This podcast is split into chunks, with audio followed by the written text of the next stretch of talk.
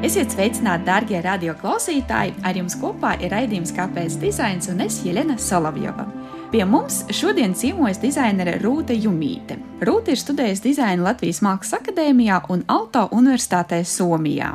Rūta iestājas par dizaina nozīmi sistemātisku, sabiedrībai svarīgu izaicinājumu risināšanā un aktīvi sadarbojas ar nevalstisko sektoru un valsts pārvaldes organizācijām. Mūsu šodienas sarunas fokusā būs dizaina aktīvisms un jautājums, ko dizainers var darīt, lai padarītu šo pasauli par labāku vietu dzīvei ne tikai cilvēkam.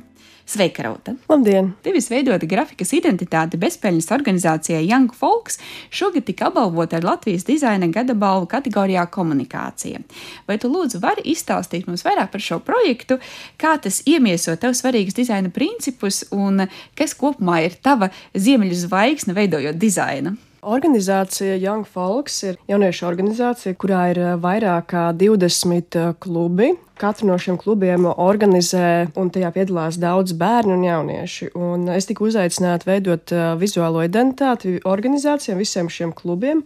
Un domājot par šo identitāti, es domāju par to kontekstu, kā tas tiks lietots. Un domājot par grafikas dizainu plašākā kontekstā, tas ir tāds spēcīgs komunikācijas rīks, bet nevienmēr tas ir kaut kas, ko organizācijas var atļauties, jo tas ir profesionāls rīks. Un domājot par šo organizāciju, kas ir bezpēļņas un jauniešiem, kas organizē visus klubus, es veidoju tādu vizuālo sistēmu, ko tad tie paši jaunieši var izmantot un kļūt par dizaineriem. Mēs kopā ar jauniešiem veidojām vizuālos elementus un uh, apguvām prasmes, kuras viņi arī turpmāk varēs izmantot un šobrīd arī izmanto, lai paši veidotu vizuālo komunikāciju saviem sociālajiem tīkliem, uh, visādiem pasākumiem. Līdz ar to viņiem nav nepieciešams katru reizi, kad vajadzīgs kāds komunikācijas materiāls, piesaistīt profesionālu dizaineru, bet viņi var to darīt paši. Un uh, man šķiet, ka šis process nedaudz demokratizē grafikas dizaina rīkus. Dizains var būt tādā spektrā no tāda ļoti izsmalcināta un izstrādāta un profesionāli radīta grafikas dizaina produkta, vai arī tas var būt kaut kas tāds demokrātiskāks un paštaisītāks, un uh, tam ir interesanti pētīt to spektru. Bet es pētīju, kā jauniešiem veicas iekāpjot dizainera kurpēs un kā tos dizains turpina dzīvot tagad. Jā, esmu apskatījusi, un uh, man šķiet, viņš uh, iegūst tādu kādu veselīti, viņš kļūst dzīves, un, uh, protams, viņš nav varbūt tāds ļoti kokains un paredzams, un man liekas, tas ir iemājot to viņu enerģiju un uh, to būtību. Par jauniešiem runājot, vasaras sākumā norisinājās arī tevis un kurators Ievas Laubas veidot un vadīta dizaina vasaras skola ar nosaukumu Dizaina aktīvisms - intervence ekosociāliem izaicinājumiem. Pastāst lūdzu vairāk arī par šo projektu. Šī bija divu nedēļu ilga dizaina vasaras skola, kas norisinājās Vidzemes tirgu, kas šobrīd ir teritorija, kas tiek atdzīvināta un kļūst vien aktuālāka. Vasaras skola bija fokusēta uz ekocentrisku dizaina pieeju, un ko tas īsti nozīmē. Tas ir kā mēs, kā jaunie dizaineri, un tur bija dažādi disciplīnu dizaineri, interjera produktu vai grafikas dizaineri, kā mēs varam dizainēt kādai konkrētai vietai, to atdzīvināt, radīt kaut kādu jaunu jēgu. Un ņemot vērā ne tikai cilvēku vajadzības, bet arī dabas un ekosistēmas vajadzības. Un um, vasaras skolas ietvaros studenti kopā ar biologiem un dizaina pētniekiem pētīja to vidi, iespējamo potenciālo ilgspējīgu vides ekosistēmu, kas varētu būt pilsētvidē, pilsētas biodaudzveidības aspektus. Studenti arī centās izjust ar dažādām empātijas un meditācijas metodēm, kā ir domāt vai pētīt no citu sugu pārstāvju perspektīvām. Un eh, kas vispār ir tās iesaistītās puses, kad mēs dizainējam priekš tādas sabiedrībai nozīmīgas vietas kā tirgus. Protams, tās ierastās puses, ko mēs ņemam vērā, ir cilvēku, sabiedrības grupas, pašvaldība, uzņēmēji, bet šī gadījumā, tā kā mēs dizaina skolu veidojam ar tādu diezgan eksperimentālu metodoloģiju, mēs arī ņemam vērā, ka iesaistītās puses var būt kukaiņi, lietusūdeņi, kompass vai dažādi citi ekoloģiski procesi, kas nav nemaz mazāk nozīmīgi. Varbūt var minēt arī kādu piemēru tam rezultātam, kur jūs nonācāt ar studentiem kopā. Studenti izstrādāja piecas dažādus projektus. Nedaudz ieskicējot, mums bija tāds uh, projekts kompostenis.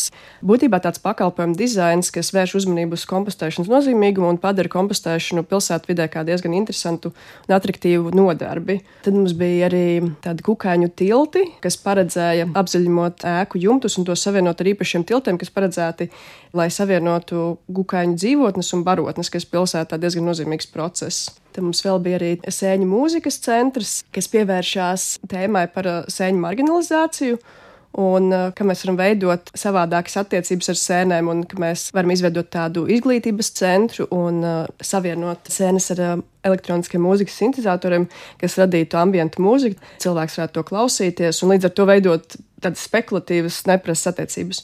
Tad vēl bija ideja baložu kafejnīca, empātijo, kur noteiktos dienas laikos tiktu servēts maltītes gan baložiem, gan cilvēkiem, kas aicinātu burtiski pie viena galda baložu un cilvēks, jo tās attiecības ar baložiem un cilvēkiem ir bijušas konfliktiem bagātas, lai arī no biodaudzveidības perspektīvas baloži diezgan nozīmīgi pilsētvidas biodaudzveidībai.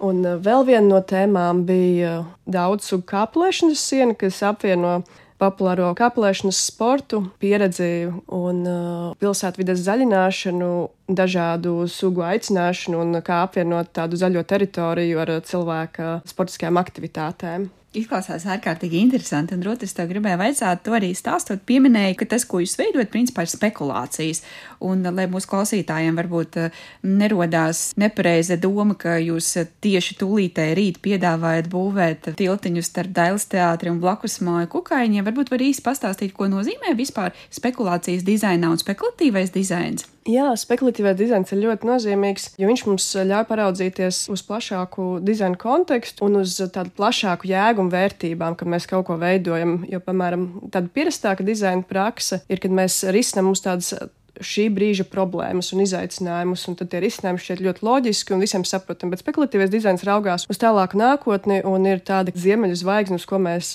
kā, vēlētos doties, un kas var dažkārt izmantot pārspīlējuma metodes, lai pētītu, kas vispār ir virzieni, kā mēs varam dizainēt pakalpojumus, dizainēt pilsētvidi. Tā ir diezgan eksperimentāla pieeja. Un tas ir vajadzīgs, lai mēs varētu atvērties radošākām idejām. Idejas, kas agrāk, pirms gadu desmitiem šķidušas spekulatīvas un nereālas, tās ar laiku var tikt arī īstenotas. Kāpēc dizains? Stāstā par dizainu vasaras kultu mini, ka, ka patiešām arī pilsētvide nav tikai cilvēkiem, un mēs esam ļoti dažādas būtnes, kas apdzīvo šo vidi. Es minēju, ka kopumā uz cilvēku centrēta pieeja dizainā ir sevi nedaudz izsmēlusi, jo tas mūs ierobežo risināt tieši sistemātiskas problēmas. Varbūt tu vari pastāstīt mazliet vairāk. Noteikti svarīgs ir eh, konteksts, kurā mēs domājam par tām dizaina pieejām. Un eh, tas mans eh, konteksts ir apzinoties, ka šobrīd pasaulē ir klimata un biodaudzveidības krīze. Un kāda tā dizaina praksa vai dizaina domāšana mainās, ņemot vērā šīs divas milzīgās krīzes. Varbūt tie iemesli, kāpēc viņas ir radušās, ir bijušas cilvēka darbības sekas un tā cilvēka darbība, kas atļauj neierobežotu planētas resursu izmantošanu. Un domājot, ko dizaineris vai kā dizaina praksa var um, atbildēt šīs krīzes laikā, tiek pārskatīts dažādas tās metodes. Un pirmkārt, tas konteksts, kam mēs dizainējam. Ja mēs tikai fokusējam uz cilvēka vajadzībām, mēs nedaudz aizmirstam, ka cilvēks nevar eksistēt bez vides ekosistēmas. Ja mēs esam um, izsūkuši visus resursus, tad arī cilvēka veidot ekonomiskā sistēma, tai zūd jēga un tā īstenībā var pastāvēt. Tāpēc es iestājos par uh, ekocentrisku dizaina pieeju, kas apgalvo, ka vides ekosistēma un vides ilgspēja ir visa pamatā. Izklausās, Rūta, ka ekocentriska dizaina pieeja tomēr iekļauj arī neaizmiršanu par cilvēku, jo mazliet provokatīvs jautājums tieši par Latvijas kontekstu, vai mēs esam tam gatavi. Manuprāt, vecā labā uz lietotāju orientētā pieeja arī pie mums ne alleši strādā, jo sevišķi, ja mēs analizējam plašākai sabiedrībai veidotus, piemēram, publiskos pakalpojumus. Kā tev šķiet Latvijas kontekstā? Jā, es piekrītu, ka Latvijas kontekstā runājot par uh, uz cilvēku centrētu dizainu, ka tur arī vēl daudz ko darīt un uh, runāt arī par jā, dažiem pakalpojumiem, birokrātiskām uh, sistēmām, dažādām digitālām lietotāju pieredzēm. Tur noteikti vēl ir daudz ko darīt, lai būtu sajūta, ka šīs visas sistēmas pakalpojums strādā cilvēku labā un ne pret cilvēku, un tas uh, neradītu kaut kādas vēl grūtības. Bet es vēlētos aicināt uh, domāt arī plašāk par Latvijas kontekstu, tieši par reģionu, jo mēs jau neesam izolēti arī no pārējām Eiropas valstīm, un tāpēc man gribās to domāšanu un tās pētniecības metodes un stratēģijas, ko es apguvu Helsingos Alto universitāti, arī nest uz Latviju un domāt par tām Latvijas kontekstā. Ko tavuprāt kopumā nozīmē dizaina aktīvisms eh, šodien? Jā, tā dizainera loma ir ļoti kļuvusi plašāka. Agrāk mēs raksturojam dizaineri kā stila, formas un funkcijas veidotāju. Manuprāt, šobrīd dizainera loma ir ļoti paplašinājusies, un dizainers var arī būt sistemātisku pārmaiņu radītājs. Par dizaina aktīvismu man šķiet, ka visa pamatā jau ir, um, ka dizainers pats kļūst par tādu kritisku domātāju un uh, izglītojās par uh, dažādiem uh, vides un sociālajiem izaicinājumiem pasaulē, un līdz ar to var kaut kā uz tiem reaģēt. Un ne tikai apārstēt simptomus neilgspējīgai un dabas resursu izsmeļošai sistēmai, bet arī iztēloties alternatīvus ekonomiskus sadzīviskus procesus un dažkārt arī pafantazēt, paspekulēt, kādu nākotni mēs vēlētos. Jā, manuprāt, arī dizainerim jābūt izglītotam plašāk par savu specialitāti, tā kā var nākt socioloģijas zinības un kā arī pētīt vērtības, kas nosaka, ko un kā mēs dizainējam. Domājot par uh, dizaina izglītību un uh, dizaina pētniecību akadēmiskajā kontekstā, daudz vietā Eiropā un pasaulē notiek tāda pētniecība ārpus tās eh, rietumu kapitalistiskās domas. Un eh, šobrīd ir ļoti aktuāli arī, ka rietumu akadēmiskie pētnieki piemēram, dodas uz dažādām pamatiedzīvotāju sabiedrībām, apciemo dažādas eh, pamatiedzīvotāju kopienas Latvijā, lai mācītos un gūtu zināšanas par to, kā var savādāk organizēt sabiedrību, resursus un uh, veidot attiecības ar dabu. Nu, jo vienmēr jau nav jātiec pēc jaunām zināšanām, un dažkārt uh, mēs arī varam atcerēties vecas un izsenas un aizmirstas zināšanas. No savas skatu punkta pieminēja divus svarīgus fokus punktus - biodaudzveidība un klimata krīze. Bet runājot par sistemātiskām problēmām, vai tu varbūt vēl vari minēt kādus virzienus, kur tu jau šobrīd redzi, ka te ir nepieciešama dizaina līdzdalība? Jā, man šķiet, ka ir daudz tādas sistemātiskas problēmas, kā piemēram sistemātiska pārprodukcija un neilgspējīgs patēriņš. Kā izskatās veiksmīga un laba dzīve, un cik daudz būtu jāpatērē dažādi produkti, lai mēs tā kā dzīvotu labu dzīvi. Un, um, ir arī atklāts, ja mēs katrs dzīvotu pēc tādiem patēriņa paradumiem, kā vidējais amerikānis, mums vajadzētu četras planētas, lai apmierinātu mūsu visu vajadzības. Man šķiet, tā paraduma maiņa vai tas, ko mēs uzskatām, kas izskatās eh, gaumīgi un kas izskatās skaisti un kas ir skaista dzīve un kā mēs varam eh, to visi piekopt. Ir dažādi sektori. Viens no tiem ir eh, mobilitāte un kā mēs pārvietojamies pilsētvidē, kā mēs ceļojam. Vai mums pilsētvidē vajag katram savu auto, varbūt tās mums vajag vairāk izmantot sabiedrisko transportu. Jo man šķiet, Rīga un Latvija ir diezgan uh, kompakta. Un, ja mēs salīdzinām ar Amerikas Savienoto Valstu kontekstu, kur vietas ir ļoti izkliedētas un sabiedriskā transporta sistēma bieži vien neeksistējoša, tad mēs Latvijas kontekstā būtībā varam izmantot sabiedrisko transportu diezgan efektīvi. Es domāju, ka dizaineri var fokusēties arī uz apriņķa ekonomikas aspektiem un pakalpojumiem un domāt par pakalpojumiem, procesiem. Piemēram, kā mēs varam mazāk varbūt ražot jaunas lietas un veidot jaunas tendences regulāri, bet kā mēs varam labot lietas, kā mēs varam dalīties ar resursiem, izīrēt lietas, nevis katreiz pirkt jaunas lietas, kā mēs varam paildzināt to dzīvi vai atgriezt jaunu dzīvi vecām lietām, lai nebūtu jāražo jaunu. Un vēl man liekas būtiski šī laikmetā, kad ilgspēja ir ļoti populārs vārds un uh, bieži izmantots. Dizainerim atpazīt zaļmaldināšanu un uh, neatbalstīt to un raudzīties uz dažādām situācijām, kur šis vārds ilgspēja tiek izmantots diezgan kritiski. Jo nereti tādas lielākas korporācijas mēģina radīt sev šķietami labu tēlu ar dažādām labdarības aktivitātēm, dažādām ilgspējas aktivitātēm, piemēram, stādot kokus, bet tāpat laikā radot milzīgas emisijas apjoms, kas būtībā nevar tikt izlīdzvarot ar uh, dažu koku iestādīšanu vai arī dažādām zaļmaldināšanas akcijām, piemēram, palīdzēt uh, labdarības akcijām kādā no Āfrikas valstīm, kas būtībā ja paraugās uz to kontekstu, turpina nolikt sevi tādā pārākā pozīcijā pār šiem uh, citu valstu iedzīvotājiem un turpinot kolonizācijas radīto propagandu par attīstītajām un mazāk attīstītajām valstīm. Vai tev nāk prātā kāds vai nu mūsu māja, vai varbūt arī citviet, veidot, tavuprāt, kvalitatīvs, interesants, sistemātisko problēmu risinājums no dizainera puses vai dizaina aktīvisma piemērs? Jā, šī kontekstā es varētu pastāstīt par vienu skolas projektu, ko mēs veidojam Alta Universitātē grupā vēl ar citiem studentiem. Mūsu uzdevums bija veidot nākotnes vīziju Alta Universitātes studentu pilsētai.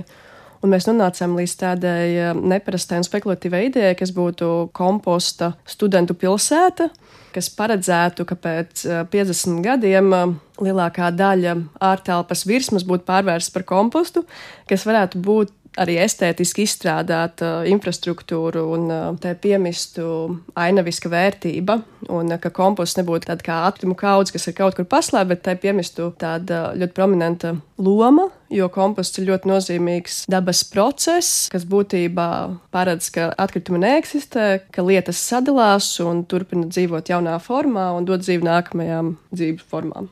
Tā bija tāda spekulatīva ideja, bet šobrīd pēc eh, kursa noslēguma Alto Universitātes studentu pilsētiņas zemes apsaimniekotāji ir uh, dzirdējuši visas šīs spekulatīvās studentu idejas un ņēmuši tās par iedvesmu. Un šobrīd uh, Alta Universitātes centrālajā laukumā ir novietots trūdošs koks un izveidot tāda pļāva, kas būtībā ir varbūt tāds aizmetnis tai idejai, bet ka šādas spekulatīvākas idejas var arī iedvesmot reālas intervences.